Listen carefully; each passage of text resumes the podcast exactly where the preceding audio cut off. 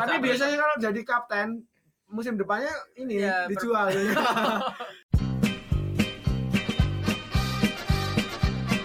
We're all backing you. We're all backing you. You Highbury Town. Kamu tuh meriam, masa Meriam, cuma minta jadi pistol air kan? Apa kan? kata-katanya? Iya, maksudnya We're all backing you. With hearts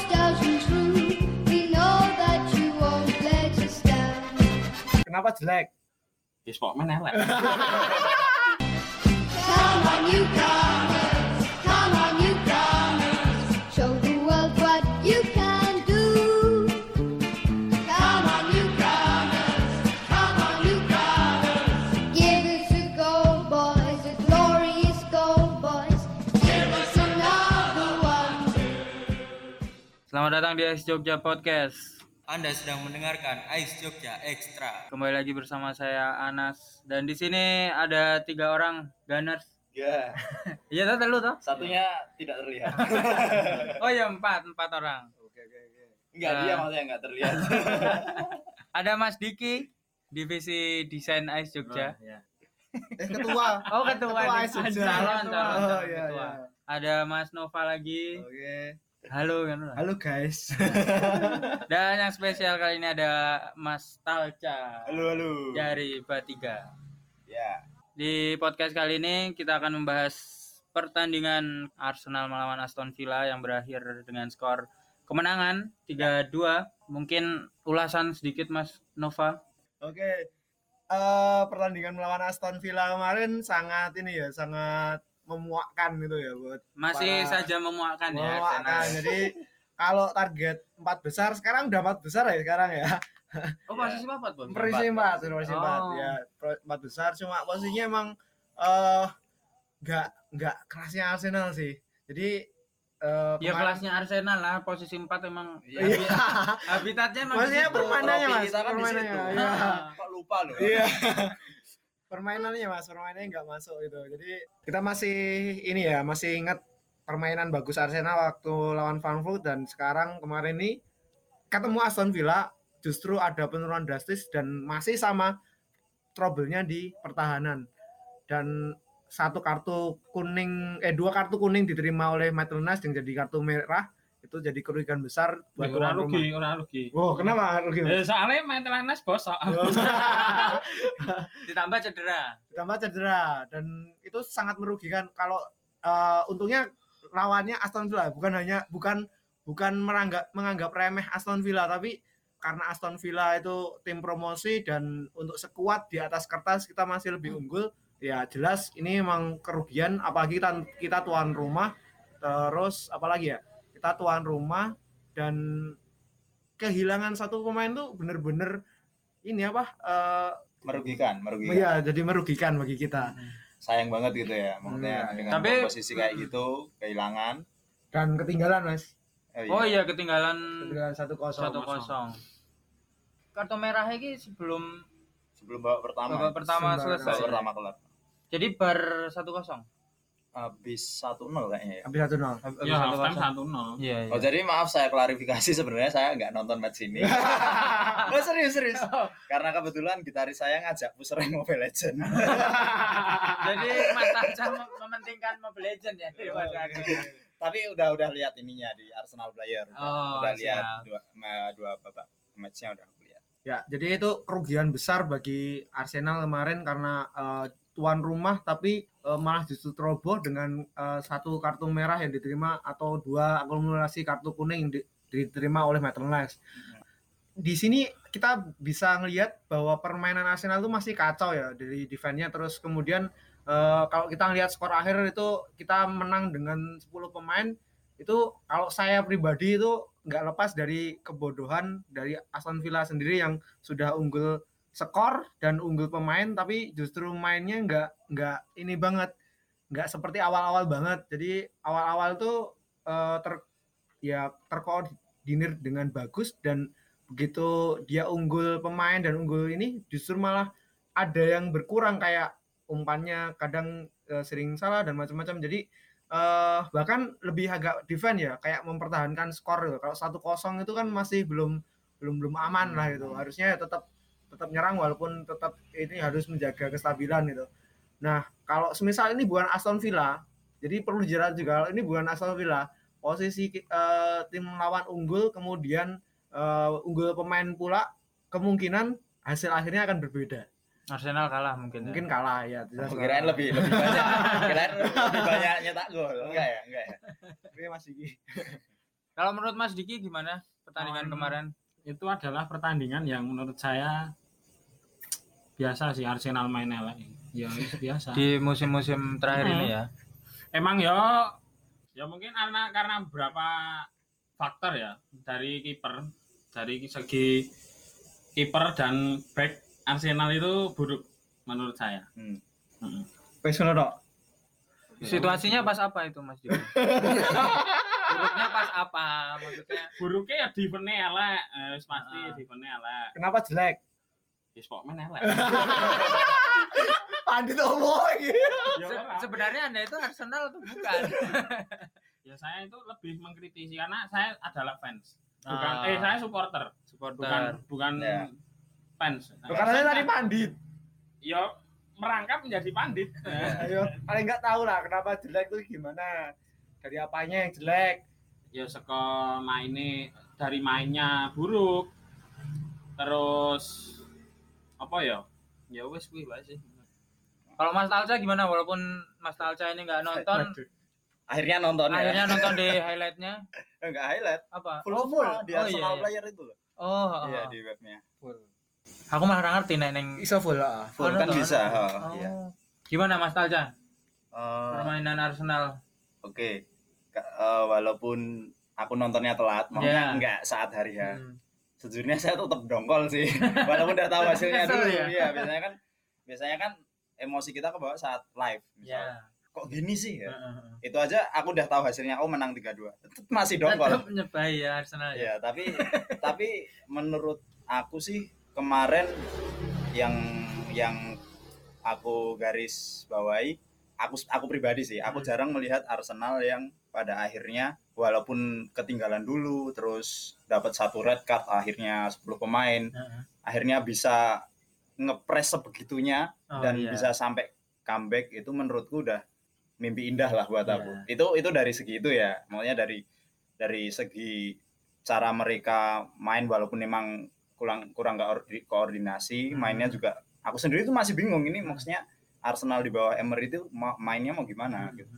Tapi yang satu yang aku garis bawahi determin determinasinya kemarin cukup kelihatan buat aku Hmm. walaupun terlepas ya ada pemain-pemain yang pada misal kayak Granit Xhaka yang misal terus pada banyak kritikan ya udah ya emang Saka mainnya udah mentok kayak gitu Ah, nggak udah bisa maksudnya Di bawah Emery mungkin ya. iya jadi sistemnya juga kurang mung- mungkin mungkin kurang cocok Hmm. kalau di mataku ya maksudnya aku di sini bukan yang Tapi Ngerti, Granit ngerti bagus banget. Mas pas waktu ngelawan Frankfurt kemarin. Iya soalnya kan Tapi ini, ngomongin lawan Aston Villa. Iya enggak maksudnya kenapa kenapa berbeda Oh iya. sama iya. Aston Villa? ya soalnya ya itu tadi jadi mungkin kalau sebagai kacamata orang awam aku ya maksudnya aku nggak terlalu paham teori bola Hmm. itu kalau di bayanganku di mappingku itu misal si Siaka ini banyak kritik ketika dia kemarin misal mungkin di main Frankfurt atau di mana yang misal dia bisa Bermain cukup bagus, terlihat dan ya. bagus itu biasanya dia udah nggak usah tuh ikut-ikut maju-maju Maju, banget tuh ya soalnya dia bingung kalau Iya. maju juga dia physically juga kadang ditabrak dikit juga bisa jatuh Ah, ah, ah. terus kadang yang sering aku amati Siaka ini kalau di dia di tengah lapangan di bundarannya itu misal di back pass ke dia dia pas ngadep ke gawang kita dia kena press kadang dia bingung Hmm. dia mesti mau capping balik lagi tuh Nah. nggak bisa dia passing pakai kaki kanan pun juga susah, susah Dan- karena emang basicnya kaki kiri kan. Mm-mm. ya maksudnya beda lah pemain ya itu sih kalau aku kemarin yang aku garis bawahi yang jarang banget aku lihat akhir-akhir ini ya fighting spiritnya sih itu Hmm. aku terlepas di situ nggak tahu ya maksudnya itu pengaruh dari si Emery-nya Hmm. atau si pemain-pemain baru kita yang brengsek-brengsek seperti, Seperti David Da- Luiz ya. David Luiz. Ya, maksudnya kan kita nggak tahu ya, Iya, maksudnya iya, di sini kita nggak tahu apa yang terjadi di seperti kalau manggung ya di backstage-nya Ah. kayak gimana kita nggak tahu di, di Ah. dapurnya seperti Ah, iya, apa. dapurnya. bisa aja walaupun mungkin juga David Luiz banyak kritikan tapi dia bisa ngepush semangat who knows Ya. atau Emery juga mungkin terlibat di situ ya emang itu tugasnya Atau Saka sebagai kapten atau juga Xhaka bisa. yang mainnya seperti itu banyak Ah, ah. kritikan juga istilahnya nek eh, kalau di ruang ganti dia berani berkata frontal. Hmm. emang sebenarnya itu yang dibutuhkan sih. Ya. dan waktu transfer pun kemarin dengan adanya David Luiz aku juga istilahnya ya no problem. Mm-mm. maksudnya ada ada segi di mana Arsenal kehilangan eh Arsenal kamu tuh tim besar. Nah itu. Yang yang harus ditumbuhkan lagi itu itu. Maksudnya seperti eh, pemain-pemain ini tuh kayak nggak pede bahwa ayolah ini tuh Arsenal tim gede loh Ah, kayak nggak ada yang pemicu seperti itu ya seperti kalau timnas ya saya ingat waktu timnas U19 zamannya Evan Dimas Ya. itu sempet kan latihan di Jogja tuh Ah, ah, ah. Nah, mereka dibawa sama coach Indra tuh ke Cak Nun Oh. ke Maya. ke Maya, Maya. dan ke base campnya Kadipiro. Nah di situ ya istilahnya Cak Nun cuma menyadarkan bahwa kamu tuh Indonesia, kamu jadi nek bahasa Jawa itu hatinya digedek dibombong bahwa kamu harus menemukan siapa kamu. Nah, itu kayaknya yang dan kemarin sih menurutku walaupun mainnya masih ya seperti itu tapi paling enggak determinasinya udah seperti itu buat aku cukup. Hmm. Maunya untuk memenangkan satu match kemarin Ah, ah. ini terlepas kita ngeritik ke depannya Iya. itu ya mungkin dengan 10 pemain cara terbaik ya seperti itu Seperti itu. untuk ya. menangnya Menangnya. terlepas dari walaupun Emery senengnya langsung lewat pinggir terus crossing Ah, ke tengah iya. ngono terus Sa- lumayan monoton sih. monoton banget Tapi emang anu serangan sih, Emery. Emery itu tidak memiliki filosofi bermain menurutku loh. Ya. Karena bahkan Robin van Persie pun mengomentari perbedaan dari Emery dan Arsene Wenger. Kalau Arsene Wenger lebih punya visi bermain, ya. tapi Emery itu nggak punya visi bermain. Hmm. Tapi ya mungkin itu yang berpengaruh dari performa Arsenal saat ini menurutku, menurut Ya. pribadi. Ya sih emang Kalau masalah filosofi sebenarnya ada mas mas. filosofinya itu tadi nyerang dari samping Dari crossing ke tengah harus gitu terus gitu. Di PSG itu kayak gitu, di si Sevilla kayak gitu. Nah, tapi nek neng PSG Pemainnya dulu. Ya, ya jangan dilihatnya pas waktu kemarin sukses di Liga Eropa pun dengan tim-tim yang di Liga Spanyol nggak terlalu mentereng juga dia Nah, sukses. masalah ya di Arsenal ada Iwobi. Udah nggak ada sekarang. Kan udah wingi. Eh, kapan Ya, kapan? Eh, Kan musim iya. ini. Kapan libur? Kapan libur? oh pindah sorry sorry sorry oke, oke, oke. Ya. Eh, jadi kalau saya menurut saya itu emang seperti yang kemarin tak bilangin ya jadi emang faktor formasi itu ngaruh juga jadi kenapa kemarin kalau kita ngelihat eh, posisinya Kolasinak terutama itu agak nanggung banget majunya crossingnya ketebak terus habis itu Ah. eh, pas waktu mau defend dia mundurnya kadang telat karena udah kecapean gitu kayak harus sprint ke belakang Eh, karena kau ter- terlalu terbiasa di formasi eh, 352. tiga empat satu dua atau tiga lima dua atau tiga empat dua satu yang biasanya di eh, yang sering dipakai oleh Emery yang yang akhirnya mengandalkan tiga back dan eh, sayap back sayapnya itu lebih lebih cenderung untuk ofensif daripada defense. Jadi kadang itu dia mereka tugasnya nggak terlalu defensif, jadi lebih tugasnya itu offense. Hmm. Nah, pas waktu eh, dihadapkan di posisi eh, pemain backnya itu dengan formasi 4, mereka terus harus eh, defensif banget. Itu Hmm. agak harus ada adaptasi loh. Jadi ada yang Transisinya ah, ya. harus Ya. ada eh, sesuatu yang hilang tuh kayak feel-nya dia eh, saya feel feel-nya itu pengen nyerang atau pengen bertahan itu Hmm. jadi kacau gitu. Jadi seorang pemain juga butuh butuh adaptasi di posisi masing-masing. Jadi kalau semisal kasusnya kayak Kolasinak bahkan si Ainsley Maitland-Niles pun juga dulu nggak buruk-buruk banget dalam bertahan. Waktu kemudian disuruh maju ofensif banget, terus habis itu eh, sekarang defense-nya jelek banget. Ya mungkin salah satunya juga karena pengaruh formasi juga Mm-mm. dan bukan posisinya dia sih. dan bukan Ya. posisinya dia karena awalnya dia eh, gelandang gelandang bertahan gitu itu yang satu terus untuk ini sendiri aku lebih lebih seneng komentari untuk masalah defense. Ini masih kemarin defense-nya masih buruk banget. Karena defense-nya masih dalam banget. Seperti yang ini ya yang sempat saya bilang kemarin pas waktu podcast sebelumnya eh, nggak ada fight jadi nggak ada pertempuran di tengah gitu. Jadi ada Oh, pemain iya iya. ada pemain Aston Villa maju itu pemain tengah nggak langsung menghadang atau istilahnya eh, ngerebut bola atau kemudian entah itu pakai sliding entah itu ini intercept biasa atau gimana. Mereka tuh nunggu di belakang semua gitu. Pas waktu nunggu di belakang semua ya tinggal nunggu ini aja sih crossing dari ini dan golnya itu juga karena nunggu juga. Dan dari sini pun kita juga bisa melihat reaksi eh, apa ya dari para pemain Arsenal itu berbeda-beda. Pas waktu lawan Frankfurt itu kita ngelihat posisi goalkeeper kita di di apa diisi oleh Martinez mungkin mungkin nanti ada yang mau komentar dengan eh, soal Martinez. Tapi aku nggak mau banyak banyak komentar soal Martinez. Yang jelas Martinez sih seneng ya aku ngelihatnya jadi eh, dia dalam distribusi nggak melulu dia pakai eh, build up dari bawah. Jadi dia long long ballnya bagus banget. Terus kemudian bahkan akurasi umpannya itu juga bagus pas waktu dia umpan serangan pas waktu serangan balik eh, dan dan jadi golnya Bukayo Saka waktu melawan Frankfurt. Itu juga prosesnya build up-nya juga dari Martinez. eh, Martinez juga. Dan ini pintar nih orang ini. Cuma posisinya eh, kenapa saya eh, menyebutkan eh, Martinez tuh eh, jadi salah satu faktor pembeda di apa di eh, pertahanan Arsenal. Karena Martinez itu mampu mengatur. Jadi kalau biasanya kita lebih eh, lebih monoton kemudian balik ke belakang semua pemain backnya ke belakang bahkan gelandang pun ikut ke belakang turun sangat dalam si Martinez ini nggak nggak nggak nggak begitu ya jadi kalau melihat ada orang yang memegang bola atau pemain lawan memegang bola atau dan itu mungkin winger yang eh, kemampuan crossingnya bagus dia minta untuk meracing satu orang untuk meracing dan- Jadi ada instruksi dari belakang ya. Ya, jadi dari kipernya sendiri udah instruksi seperti itu. Dan Martinez ini paling sering motong eh, bola crossing dari lawan. Oh iya, yang tidak banyak, yang Benar, tidak benar. banyak dilakukan oleh eh, Leno. Itu salah satu juga per- perbedaan eh, apa eh, sistem pertahanan yang eh, yang terjadi antara komposisi pemain yang dipakai Leno atau yang goalkeepernya di eh, diisi oleh Martinez. Mungkin ada yang mau komentar dulu soal Martinez? Matalca mungkin? apa ya ya kalau aku sih melihatnya si Martinez ini kayak aku sebagai fans layar kaca yang melihat dari layar kaca itu rasanya lebih ayem gitu loh mas Lebih ayam ya. maksudnya ketika dia bahasa Jawanya adalah tugo-tugone kipas maksudnya Dugo dugo. Aku mau Jawa tapi ya. apa ya? Orang- Kira-kira. nah, perkiraannya Perkiraannya untuk bagus. oh ini aku harus maju ngekat nih Oh, berarti Ngekat membaca passing. permainan. Ah. Dalam membaca permainan Ya. Martinez lebih unggul mungkin ya Hmm. daripada Leno. ya. kalau dari mata saya maksudnya Hmm. dari apa yang aku lihat seperti itu maksudnya ketika dia cut motong crossing atau apa pun dia lebih kayaknya lebih atrap lebih lengket oh, oh, Hmm. mantep loh Iya, cek.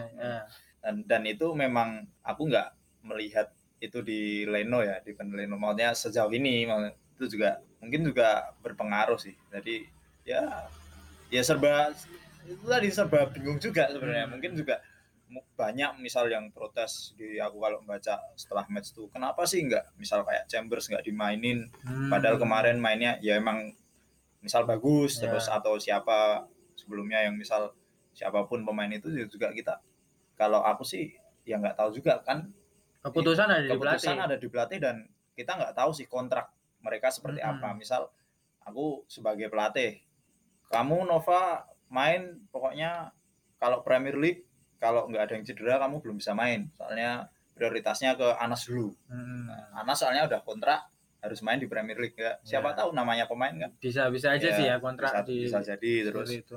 tapi emang yang paling kerasa sih kemarin waktu Aston Villa sih kayak itu tadi misal oke lah misal Emery pengen nyerang kebanyakan dari sayap kita semua ada paham itu ya Iya. maksudnya dari sayap crossing sayap crossing sayap crossing wis ngono terus nganti kiamat gitu. tapi juga istilahnya bagiku adalah kehilangan identitas Arsenal yang dulu di situ adalah ketika eh, ibarat gini lah ibarat saya bikin lirik ini In- ini ini- ya musisi soalnya Iya, ya ngomongnya sama komposer, musisi komposer. soalnya aku bingung naik bahasa bola kan biar Mas Nova sama si Diki. Kiki kalau aku kan ibarat orang awam lah aku Hmm. nggak terlalu paham secara Dari sudut pandang musik ya berarti. Oh, walaupun aku juga ikut klub bal di saya ya wis gitulah jadi ibaratnya tuh aku pengen bikin lirik ini adalah kopi nah, Emery adalah tipikal yang menurutku menuliskan lirik itu ya iki kopi Oh. bukan yang- bukan yang secara tersirat bahwa misal pahit manis beradu Oh iya, iya benar-benar. eh, Hitam, kelam. eh, masuk ke mulut eh, terus sopo Nah itu kan maksudnya aku pengen ngomong kopi tapi aku ngomongnya Tersirat, muter dulu. ah. Nah, Ada seninya. Nah, kalau Emer ini misal pengen nyerang dari sayap, misal dari kemarin kayak sayap entah entar yang overlap si siapa? Lanels atau atau. Set atau PP. Ya udah dipas passing langsung ke PP bawa lari ke depan. Udah Nah, gitu toh. Udah gitu toh. Mungkin itu juga salah satu match kemarin adalah aku yang di mana merindukan sosok seorang Mesut Ozil. Oh. Di mana biasanya, maksudnya menurutku ya, dia ini pemain yang merepotkan. Hmm. merepotkan kenapa? Kalau dia dapat bola, kalau nggak dijagani kok yo passingnya ngeri-ngeri. Hmm. Secara fisik juga dia bisa bisa tahu mana yang harus dipassing di spot yang kosong, terus ngelihat temennya udah lari dia udah paham. Tapi kalau dijaga ketat juga dia tuh gampang jatuh, Mm-mm. terus bisa fall juga. Lah itu kan menyebalkan. Iya, Bagi menyebalkan. bagi musuh kan Betul.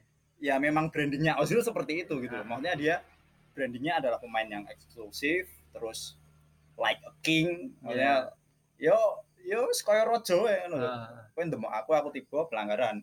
Terus nek kowe ora ndemok aku ya modal. Lewat, Nah, nah, itu maksudnya kalau dulu mungkin aku melihat adalah kayak golnya Emery waktu zaman siapa sih? Waktu Ramsey Bellerin build up dari belakang Oh, Ya. Terus passing bukan Di- pas maju gol Fulham. gol. Fulham. Nah, itu mah itu kehil itu salah satu tipikal yang Wenger hilang juga Ya, dan itu- hilang juga Itu dari Arsenal banget. Kalau Oh. Arsenal banget kan kayak iya gitu. makanya seperti itu makanya itu kan oke tujuannya adalah aku pengen menulis lirik gol Heeh. gol lewat tengah tapi mereka menuliskannya dengan passing ke tengah rada ke kanan belerin lari dari kanan passing lagi sundul Ramsey dua dua dua gol Mm-mm. kalau si kemarin ini maksudnya juga match-match kemarin juga ya udah nyerang dari sayap ya wes passing passing ke sayap bawa lari ke depan mau cut inside udah kepotong Ya. terus Benar. balik menah diulangin passing dari samping terus lari-lari lari dari samping crossing ke tengah kebablasan crossingnya sampai out makanya juga nggak ada yang istilahnya misal mau ke samping oke kita mau passing ke PP ke samping. Build up dari Maitland. Maitland misal ada misal imajinasiku misal ada Ozil satu yang pemain kreatif lah Iya. bisa dibilang playmaker di Arsenal. Passing ke oke tujuannya mau ke PP si Maitland passing ke Ozil dulu. Passing ke Ozil. Nah udah. Ozil di situ biasanya ngehold kan. Mm-mm. dia bisa tahu oh mana nih misal mau oke tu- dia tahu tujuannya main ke sayap misal tapi si Ozil ini biasanya dari Maitland open Ozil terus Ozil ngehold nah ntar si PP-nya udah cari room Mm-mm. room sendiri Bisa space. direct atau bisa Ah, bisa di space yang kosong dulu. atau dulu kayak golnya tiba-tiba dia passing ke set Kolasinac yang udah lari ke Ah. spot waktu waktu match apa itu Ah. nah mak- maksudnya itu yang apa ya ya perlu seperti itu juga oke misal Emery pengen menerapkan permainan yang harus direct pokoknya kamu harus ngomong iki kopi yo iki kopi ya, Hmm. boleh lah tapi pemainnya tidak tipikal Ya. seperti itu menurutku juga susah juga Tapi mudah kebaca juga sih kalau Mudah misal, kebaca, misal, iya. oh ini mau lewat samping atau lewat tengah itu udah Mm-mm. kelihatan juga. sekarang dia di PSG oke bisa main seperti itu ya sayapnya siapa sampingnya Neymar, Neymar Mbappe. Mbappe dia bisa ngobrak abrik bisa cut inside nah sekarang kalau si Emery juga mau main kayak gitu juga apa yang posisi samping kayak si PP ini juga rada ini kan yang sebelah kiri juga bingung mau siapa Iya. kita Kiri kalau sejauh ini kan masih ya biasanya kan Auba, iya tapi kan Lacazette cedera jadi Nah. ya, di depan semua. Nah, itu maksudnya formula itu sih yang aku belum Ah. belum belum melihat lah maksudnya ya sepertinya menurutku sih butuh seperti itu melihat match kemarin yang di Ya, Aston Villa betul, betul. Ngomongin tentang filosofi Arsenal memang menurut saya Identitas ya. identitas Arsenal beberapa tahun belakang memang agak hilang ya. Kalau Mulai musim lalu masih ada ya bau- apa ya bau-bau Arsenal zaman dulu itu masih Ya, ada, ya. tapi di Dari- di lima match IPL musim ini agaknya kok eh, sedikit luntur ya Iya. karena secara fighting spiritnya juga Hmm. angin-anginan Dan eh, pemain Arsenal yang dulu-dulu sudah nggak ada sekarang udah di- nggak ada. Kayak Ramsey itu kemarin pas waktu yang disebutkan Mas Tawaca tadi pas waktu lawan Fulham gitu ya, itu eh, build up dari belakang eh, tik-tak tik-tak One touch-nya kan ya, cepet tuh. cepet Iya. banget dan itu akhirnya jadi gol indah itu juga eh, bener-bener apa ya karena mereka sering main dan bareng udah ini paham udah paham kondisinya masing-masing. Nah makanya eh, saya masih tekankan ke formasi pun juga karena itu. Jadi kalau sering main formasi seperti ini, otomatis nanti eh, selain sudah sudah adaptasi pemain itu bisa explore dirinya masing-masing bisa oh ini eh, teman saya ke- ke mana-kemana itu bisa ini bisa bisa ngerti gitu untuk pengembangan permainan sendiri juga lebih bagus daripada misal rubah-rubah formasi Iya. itu soal formasi sendiri terus Tapi yang se- bukannya kalau masalah istilahnya kalau di bahasa Mobile Legends-nya adalah roaming. Ah, ya, itu roaming. bukannya sebenarnya keputusan pelatih ya. Ya, Maksudnya harusnya. ketika ada arahan kan dari situ. Iya, Misal, role-mu adalah seperti ini. Misal ketika nggak megang bola, kamu open dong ke sana atau kamu cari free room dong ke mana biar temanmu bisa menemukan. Nah, itu juga menurutku juga perlu dikritisi juga si Hmm. si Emery Emery. ini. Maksudnya pergerakan tanpa bolanya juga menurutku juga ya monoton juga. sistem formasi yang berubah-ubah itu mempengaruhi yang jelas ini ya adaptasi pemain yang kedua eh, kolektivitas pemain pun juga akan sangat berbeda sekarang apalagi PP ya PP ini baru adaptasi dengan liga baru Ya. Dengan posisinya sekarang dan mungkin kalau di Liga Prancis enak ya di- dia eh, di samping itu bawa bola maju mundur apa dari belakang ke depan gitu Posisinya Terus, sama sih. eh, posisinya Tapi sama mungkin tugasnya beda. Mm, cuma pas waktu dia di posisi seperti itu dijaga. Kemarin eh, yang jelas Aston Villa itu sudah jaga wings itu eh, dengan dua back, dua orang dua, dua orang dua orang. Jadi Ini emang bener-bener back, back sendiri full backnya sama pemain pemain sayapnya, sayapnya juga juga turun. turun. Ya. Jadi emang sebenarnya emang eh, sayapnya Arsenal itu udah bener-bener udah dimatiin, sebenarnya, iya. dimatiin. Nah, jadi posisi PP seperti itu, eh, PP mau seperti apa, eh, dia mau cari ruang seperti apa atau mau ke dalam itu dia baru proses dari dari dari proses Ya. adaptasi. Jadi semisal dia tetap dirubah dirubah dirubah ya mungkin nanti adaptasinya akan semakin lama kalau menurut saya kalau formasinya mau dirubah-rubah terus dari 4-3-3 terus eh, tiga penyerang terus jadi dua penyerang itu juga nanti berpengaruh juga ke ke apa ke permainannya PP sendiri. Kolektivitas yang saya sebut nanti eh, lebih ke eh, oh ya ini pemain seperti Ozil contohnya Ozil aja ya. Seperti Ozil itu pas waktu Ronaldo dia masih tandemnya sama Ronaldo, Ozil nggak pakai ngelihat aja karena dia sering latihannya kayak gini, dia tahu posisi Ronaldo pas waktu dia nggak nggak nggak ngelihat Ronaldonya aja tahu posisinya mau di mana itu udah tahu. Sistemnya Jadi, berarti kan Uh, udah kayak flare-nya kalau di apa di bahasa FM itu jadi dia uh, bisa tahu posisi teman tanpa melihat teman sendiri itu adalah kalau di di FM itu namanya flare ya. Itu itu bagus banget. Jadi semisal uh, formasi atau apa uh, formasi itu dirubah-rubah kemungkinan juga nanti penempatan posisi pemain itu nanti juga bi- bisa berubah-ubah pula. Jadi dari sistem gel- dari gelandangnya sendiri nanti juga untuk bagi bolanya juga sangat bingung. Apalagi PP ini masih apa ya masih nanggung kalau menurut saya. PP ini masih nanggung banyak banget umpannya itu yang belum tepat sasaran. Kalau crossing masih ada yang terlalu jauh ada yang ini dan- kebanteran. Ah, sebenarnya nggak kebanter maksudnya itu ke yang yang agak jauh lagi biar biar diproses lagi loh biar di capping lagi atau gimana maksudnya kalau di sepak bola Prancis eh, ada juga yang langsung eh, ke tengah eh, depan gawang ada yang memang di di apa di, di pojok yang lain gitu dilempar ke pojok lain agar biar buka serangan eh, lewat sisi yang lain juga Hmm, Ada kabar gembira yaitu Genduzi ya sangat bermain ya, bagus sekali. bagus itu. sekali. Edan. Apalagi setelah 10 pemain dia tampil sebagai Beringas. apa ya beringas sekali dan Dia bisa eh, apa bisa ya membangun sua- eh, mood orang-orang ah, di mood, sekitarnya ah, untuk ah. ayo jangan nyerah. Hmm. Itu. dan itu sih maksudnya dia walaupun dia bu- bukan dari Arsenal maksudnya Akademi. bukan dari akademi Arsenal tapi dia membawa itu gitu Tapi, membawa membawa Victoria Concordia Crescitnya Ah. itu ada sih menurutku. dia turun ke bawah maju bawa bola sendirian dan yang membuat gol apa Chambers passingnya itu Ah, ah, Chambers terus penaltinya PP juga dia yang dapat. Guendouzi menurut Mas Talca gimana Guendouzi kemarin Guendouzi emang ini ya, maksudnya udah dari awal match pramusim pun aku udah seneng nih sama nih Ah. pemain. Soalnya kayak tahun kemarin masih iya, tipikal yang dengan usia se- segitu 20 tahun ya dia udah kayak ngerti banget cara bermain di Liga Inggris seperti apa. Maksudnya kan jarang ya Jarang, dengan jarang. usia segitu dia di sebagai gelandang istilahnya pemain tengah di situ dengan pressure-nya pemain-pemain nakal Liga Ah, Inggris yang Liga seperti apa dia bisa seperti itu. Bahkan siapa pun masih dinakalin pun yo kalah. Ah, masih masih nggak bisa gerak ke mana-mana. Kalau gue di sini walaupun dia kadang kehilangan bola terus kadang mungkin juga oke lah dia juga blunder. Tapi dari segi mental dari aku yang melihat di sini dia nggak ada drop atau gimana nggak. Malah makin ini malah ya. makin wah aku harus buktiin nih Mm-mm. istilahnya seperti itu misal kayak kemarin juga waktu lawan siapa tuh yang gini Watford. Watford. Nah, waktu dia ngasih gimmick skor tangan itu menurutku itu nggak masalah sih Nggak masalah walaupun akhirnya dua-dua ya. nggak masalah maksudku di situ ini yang aku lihat dari Arsenal sejak kedatangan listener ya maksudnya oh, aku kehilangan Arsenal yang yang itu tadi menyadari bahwa ayo kita tim gede jangan takut Hmm. maksudnya kita kita yo berani lah masuk istilah Indonesia Garuda njaluk jadi mbret malah gitu.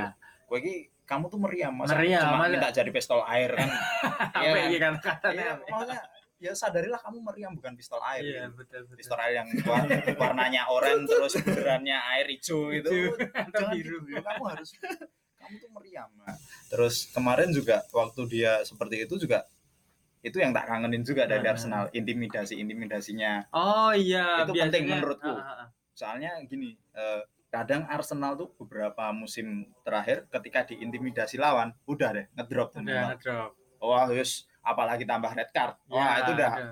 udah maunya nggak usah bicara lah pak api-api paling bagus juga hasilnya draw Draw. biasanya Dan eh, masalah intimidasi itu Gundosi udah dua match terakhir ini ini ya eh, sering apa agak ada Nakal sih. gesekan. Oh iya, pas kemarin sama kipernya Tom ya Makanya- terus pas waktu Watford itu pas waktu PP diganggu itu Ya dia langsung, maju Langsung sendiri maju ya. sendiri. Makanya juga itu yang dibutuhkan Iya, jadi iya.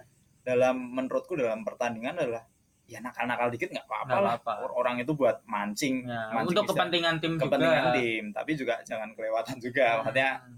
tugo-tugone kuwi mau Hmm. kudu harus pas istilahnya dan mungkin juga seperti itu dilatih listener sama David Luiz mungkin sama Socrates Oh iya. jadi pertama waktu signing David Luiz ya emang aku nggak terlalu berharap dia main bagus tuh enggak tapi, Tapi aku untuk anu untuk ya, menularkan di eh, balik layarnya yang aku secara mental ya, Heeh. bukan ke secara Lebih ke- teknisnya. heeh, lebih ke itunya sih kalau aku jadi ya itu kita harus menyadari bahwa kita tuh meriam bukan pistol air Atau mungkin Arsenal ini perlu ini ya, kalau tadi Mas Talca bilang timnas U19 waktu di Jogja itu dibawa ke Cak Nun. Hmm. Nah, Arsenal ini mungkin bisa dibawa ke sini juga gitu bukan Oh, iya. bukan ke Cak Nun tapi ke Karena Arsene ya. Wenger. Oh, iya. Arsene Wenger. waduh Iya kan seperti Eh, sebenarnya aku lebih setuju David Den sih daripada eh, Arsene Wenger. Arsene Wenger.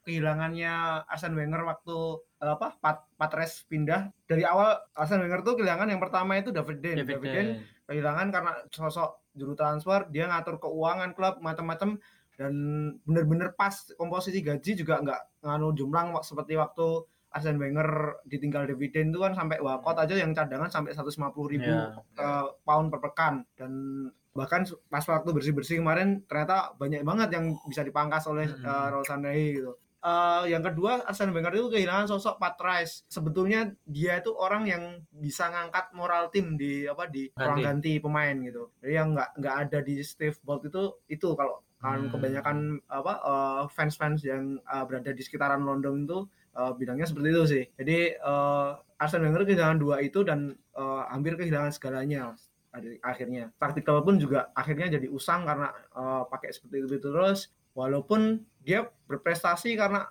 kehilangan apa ya kehilangan banyak bintang pun juga masih peringkat 4 terus. Hmm. Permainannya juga nggak berubah. Nggak berubah, tetap bagus cuma ya akhirnya cepet agak usang sih menurut saya. tetap usang tetap nggak akan berfungsi lagi ya Iya. karena udah dipakai berkali-kali Iya. Eh, lawan juga pasti udah tahu mana celahnya istilahnya udah update lah Heeh. Lawan-lawan harusnya udah- harusnya diupdate cuman udah Arsene Wenger- update iOS berapa Arsen masih iOS zaman HP iPhone 3G kalau kalau kita kita uh, beralih ke Emery ini sebenarnya Emery bagus banget sih menurut saya bagus banget uh, dengan catatan secara apa dulu mas? Bagusnya. Jangan bilang bagus loh. Dia dua kali build up dengan aturan baru yang yang boleh eh, eh, keeper. pemain bertahan boleh di dalam kotak. Kemarin kan golnya gara-gara itu juga kan? Ya passing ke siapa itu? Yang di kanan nih siapa nih? Pokoknya dari belakang kayaknya ke Socrates kalau nggak salah. Eh, pokoknya ke kanannya si Leno. Terus si kayaknya Socrates tuh passing ke Chambers kepotong dah. Oh iya. Gol- Ya udah. Gundosi dua kali lagi tuh. Berarti Ya, kan Gundosi. istilahnya blunder dari build up seperti itu kan sangat apa ya sangat riskan riskan dan yang orang awam aja tahu oh nggak bisa nih main kayak gini. Ah, ah. Harusnya pelatih bisa menginstru- menginstruksikan bahwa kalau nggak bisa ya nggak usah dulu. Ah. Makanya lebih baik dimatengin dulu tuh. Dan itu berbanding terbalik Skema. di mana si Emery itu kan kalau persiapan pertandingan biasanya nonton video analisis. Iya. Nah, apa Emery itu nggak menganalisis itu Nah, sebelumnya Yang gitu loh? pertanyaan juga Ah, itu kan aneh ketika Kok Emery masuk kan eh, dia di, apa ya istilahnya digadang-gadang Ah, digadang-gadang. dia hobi, hobi melihat analisis. eh, eh, lihat video terus Oh mungkin dia analisisnya pakai ini SPSS. lebih ke data ya data angka-angka gitu Skripsi sebenarnya. Nah, itu- dari dari ini ya dari kalau jumlah kebobolan kemarin memang buruk ya Arsenal. Tapi jumlah eh, apa mencetak gol kemarin nomor tiga setelah tahun kemarin setelah City sama Liverpool itu. Kalau saya ngelihat tuh emang apa ya keseimbangan permainannya Emery yang nggak ada sih. Jadi keseimbangan itu biasanya terletak biasanya di jangkar eh, di pemain tengah sih, gelandang bertahan atau mungkin gelandangnya gitu. Eh, kalau sebelum-sebelumnya kayak di Sevilla ada Banega, terus kemudian di apa di PSG. ada Verratti, ada Rabiot sama eh, ada siapa? Eh, bahkan si David Luiz pas waktu di ini juga bagus di PSG. di PSG jadi itu DMF ya di IMF eh, dan itu bener-bener apa eh, tengahnya itu bener-bener ini ya eh, dari kemampuan passingnya bagus defense-nya bagus ofensifnya juga bagus. Keras dalam Jadi memang- gampang jatuh gitu. ya. gak gampang jatuh. Jadi gelandang yang dimiliki Emery ini komplit. Sedangkan yang di Arsenal ini yang komplit menurut pengamatan saya sih baru ini ya baru Guendouzi ya. Karena eh, walaupun Torreira memiliki potensi ofensif yang bagus juga terbukti kemarin juga sempat udah di depan gawang juga tapi Ya. tendangannya agak merucut ya Ya. agak-agak meleset akhirnya Eh, iya. nah, itu eh, tapi Torreira juga sempat juga berhasil pas waktu lawan Liverpool dan nyetak gol itu. Jadi sisi ofensifnya itu juga bagus juga, tapi kalau dipaksa untuk maju mundur ya dengan eh, kaki yang pendek terus harus lari sprint kayak gitu, ya jelas kadang merugikan merugikan tim gitu. Jadi eh, saya ngelihatnya lebih eh, perbedaan Emery di eh, di luar Arsenal maksudnya di PSG maupun di Sevilla kemudian di Arsenal sendiri kenapa seperti ini karena sekarang Arsenal ini tinggal ada enam gelandang ada Gundozi ada eh, Ceballos. Joe Willock Ceballos terus ada si Torreira Ozil. Ozil Ozil terus satunya enam Saka. enam enam Granit Xhaka ya Bisa. dan sengit toh gimana gitu loh.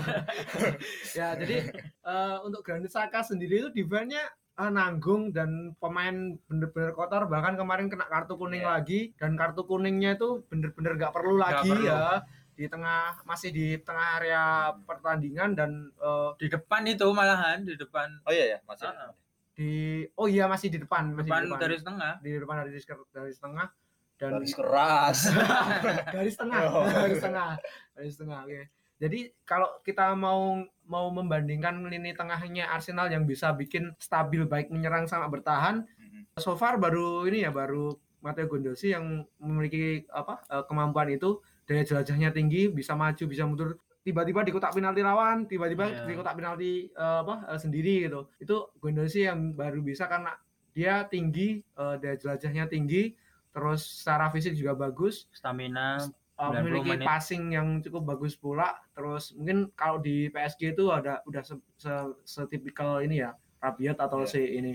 Dan baca permainannya oke juga nggak sih? Oke, Maksudnya oke. dengan passingnya dia kemarin ke Chambers menurutku itu seukuran istilahnya si Guendouzi ini luar biasa gitu. luar biasa Maksudnya yang kita harapkan melakukan passing seperti itu kan Ozil Ceballos, Ceballos, Ozil Torreira. Torreira. Ini seorang Guendouzi yang istilahnya untuk visi bermainnya lebih rada kaku dibanding tiga orang yang kita sebut tadi itu. Hmm. dan paling muda di Ah. antara lini tengah Arsenal Iya.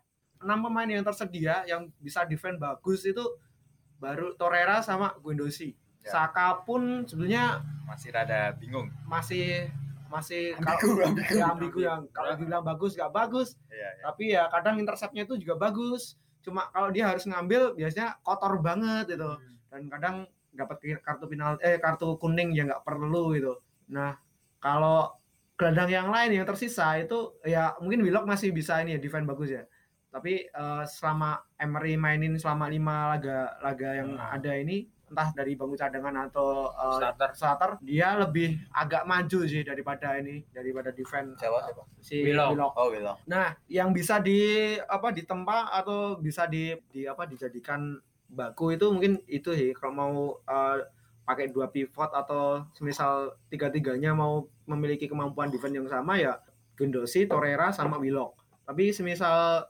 pengen gelandang lagi yang kreatif ya tinggal milih Ozil atau Ceballos. Kalau semisal Ceballos sama Ozil dimainkan bareng bagus banget sih, tapi ya kita harus mikir juga pertahanannya seperti apa. Karena kondisinya emang kita butuh kestabilan. Kestabilan eh, tim Arsenal ini baru baru nggak bagus, apalagi dari segi defense. Masih bingung. Heeh. Jadi kalau semisal mau pakai gelandang kreatif ya kalau saya lebih satu dulu sih. Ya, Ini itu. betul. So, Arsenal itu butuh sosok seperti Haryono. Gelandang pengangkut air. Iya.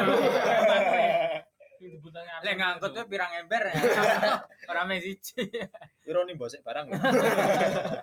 Siapakah yang bisa menjadi Haryono di Arsenal menurut Mas Diki? Yang mendekati adalah Granit Xhaka. Malah tapi kan dia sangat lambat, sangat Defense-nya jelek. defense-nya jelek, Gampang jatuh loh dia. gampang jatuh kalau menyerang. Ya, ya berarti Kok kalau menyerang bertahan pun bertahan pun baca. Haryono. Baca dari Aryono. Ya, eh, Saka harus main di Liga 1 dulu. Oh, gitu. Boleh, boleh. Boleh. Dengan pressure liga yang brengsek seperti ini, dengan pressure supporter yang bajing. Berarti Saka sebenarnya itu beruntung main di Liga Primer. Beruntung. Orang biasa sok Coba main di Liga 1 Indonesia. diobong, diobong. Masih mending dibu ya. Tapi eh, kalau nanti dia lihat uh, Granit Saka semisal dilepas itu ya. Bahkan sebelum Saka gabung itu Saka itu mainnya bagus rapi banget loh. Kayak di apa di Liga Di Wolfsburg. Itu pas waktu di Liga Jerman Ya, juga. bahkan dia disebut the next Alonso. Wah. Oh iya benar. Bahkan dia memiliki permainan kayak kombinasi Al- Sabi Alonso sama eh, Pirlo dulu katanya. Hmm. Dia memiliki umpan seperti Pirlo, terus dia bisa ngatur serangan seperti eh, Sabi Xabi Alonso. Jadi eh, pas waktu kedatangan Saka itu kayak optimisme dari fans-fans supporter sama penonton layar kaca Arsenal tuh ba- bagus banget sih. Hmm. Cuma pas waktu eh, dihadapkan dengan liga yang keras seperti ini dan Nggak butuh bisa. butuh apa defense yang ya punya gelandang komplit apalagi tengahnya Arsenal memang cuma di unit tiga pemain sih jadi harus bener-bener ini bisa bisa defend bisa uh, serang tiga-tiganya ya. tiga tiganya gitu Kalau si Granit Xhaka itu sebenarnya rekrutnya siapa sih? Arsene Wenger apa Emery ya? pas waktu si Arsene Arsene Wenger, Masih Arsene. Oh, berarti Emery itu sebenarnya ya Warisan. masih warisan, dapat Iya, warisan. Jadi mungkin dia juga bingung mau Iya. menempatkan siapa di posisi Saka. tapi ya tadi uh, apa uh, balik lagi kenapa Granit Xhaka dimainin di era Wang- Wenger sama si di era ini di era Emery. apa Emery karena emang dia memiliki final pass di tiga apa sepertiga lapangan terakhir paling banyak pun kalau kemarin kita ngeliat sama Watford eh, sama Aston Villa itu eh, justru dia umpan ke sampingnya itu sering kepotong juga jadi Hmm. karena yang pertama Aston Villa sudah numpuk eh, pemain defense sama apa gelandang di sayap-sayapnya umpan Granit Xhaka itu mudah banget dipotong dan pas waktu Granit Xhaka ditarik justru eh Gundogan itu pinter kayak dia harus umpan silang atau dia mau bawa dulu Ah, karena ternyata pemain Aston Villa tuh banyak yang nunggu daripada yang ngepres. Jadi Hmm. pas waktu Gundogan dapat bola apa eh, build up dari kiper kemudian dipotong itu yang jadi penalti itu kan juga itu dari apa dari pergerakannya eh, Gundogan. Gundogan. dan itu dia nggak kaku nggak harus kemudian ngoper-ngoper atau eh, umpan silang atau gimana yang biasa di Saka lakukan gitu. Dia emang lebih baca situasi sih gitu. Si Granit Xhaka ini kontraknya sampai tahun berapa sih? Wes jelek wes. Jelek. aku malas. Wes jelek. Seneng banget aku kemarin diganti akhirnya kan. Enggak, sempat digosipin ke Inter tuh aku udah seneng banget. Oh iya, sempat digosipin pas Tapi biasanya kalau jadi kapten musim depannya ini Iya, per- dijual. Oh, ini di Arsenal gitu ya. Iya, kemarin juga Skolciani juga Oh, jadi iya. kapten terus habis itu oh, ini kan. Untuk eh, masalah tim besar ya, tadi masalahnya kan nyinggung-nyinggung masalah tim besar Hmm, eh, Kapan saya bilang? yang saya ngomong Kelingan, oh iya, iya. Ya. kalau.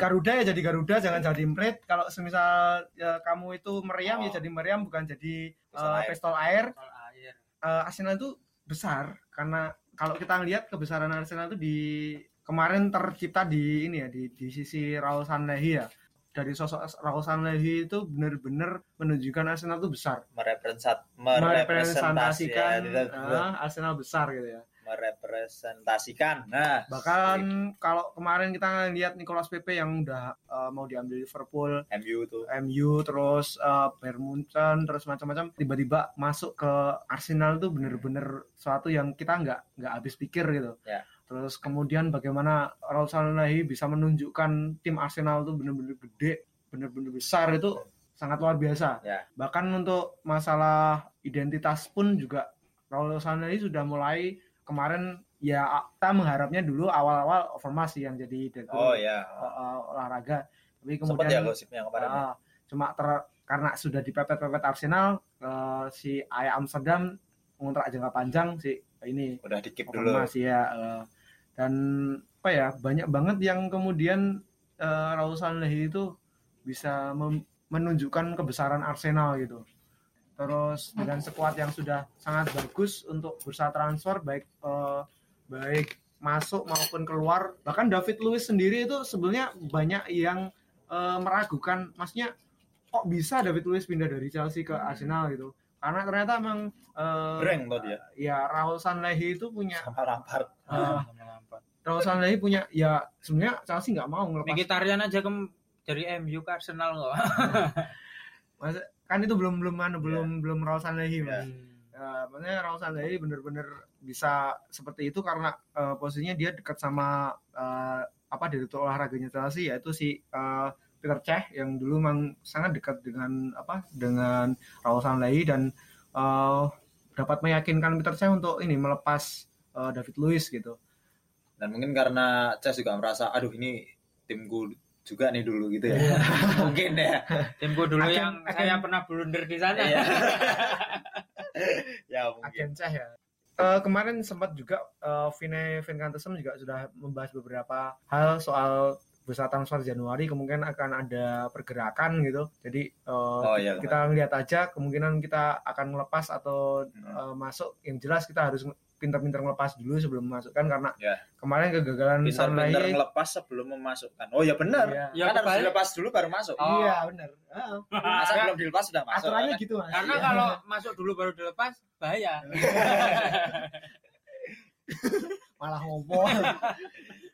ya mungkin itu sih mungkin kalau dari segi manajemen eh, mereka merepresentasikannya udah oke ya Udah oke. Misal- Jadi eh, Arsenal seperti ya. apa itu. tapi ya memang balik lagi yang di sini yang kita butuhkan adalah representasi dari permainannya Permainan. juga permainan identitas Arsenal seperti apa kalau dari manajemen sih menurutku musim ini udah sangat bagus sih maksudnya dengan di garis bawahi juga masuknya divisi-divisi yang sebelumnya itu nggak ada di eranya Wenger Oh juga itu membantu sih maksudnya ya Wenger bro umur segitu dia sebagai manajer bukan sebagai coach. Ah, bukan sebagai Iya. pelatih itu kepala aja. tugasnya luar biasa Dan- manajer mengatur segalanya 13 13 pekerjaan dia dia kerjaan sendiri sendiri ya itu kan juga dengan kemarin dia main sampai udah keseok-seok seperti itu juga kadang ya dongkol tapi juga kasihan Hmm. maksudnya gila sebegitunya kerjaannya dia gitu kan 60 Iya. tahun lagi ya. Udah berapa sekarang? 63 dulu. 63. suruh mikir kayak gitu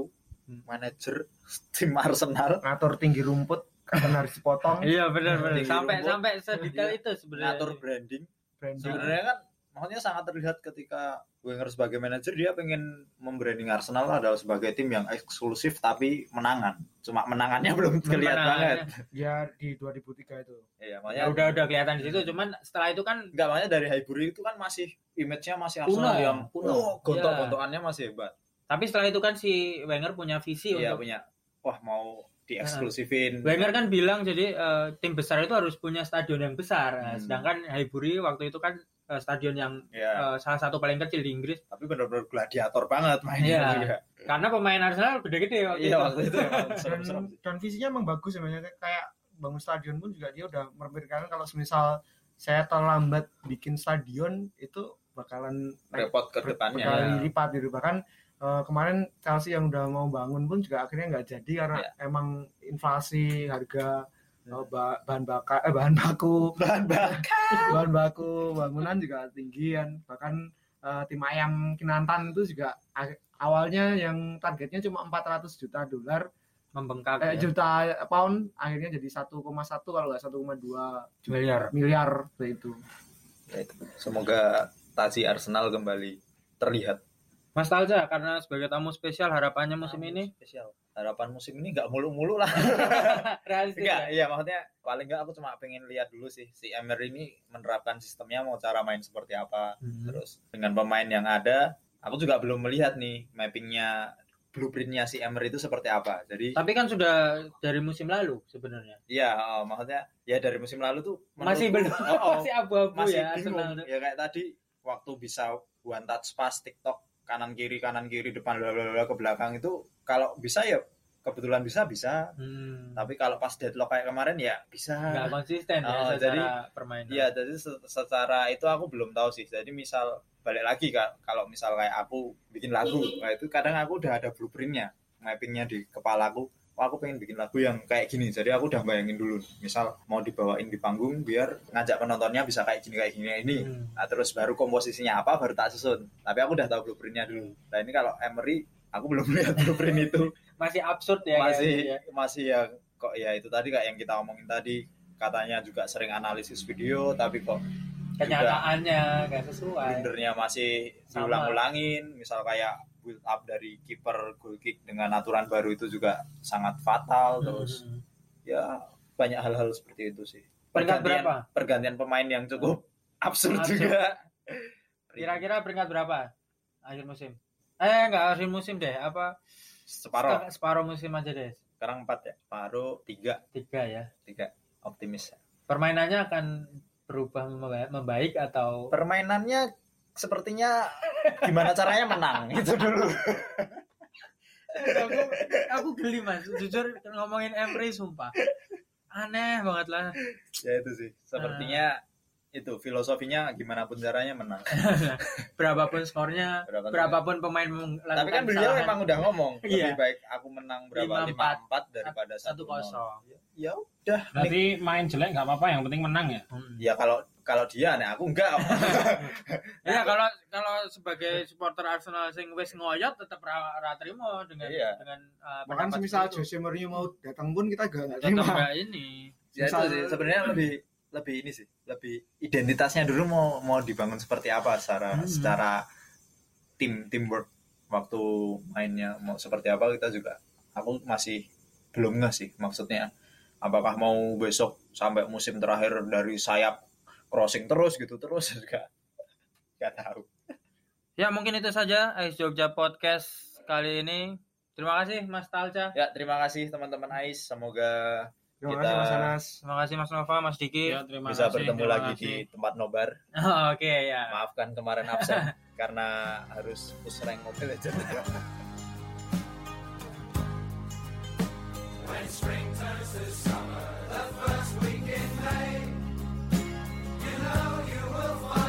down on Langley Way. It's about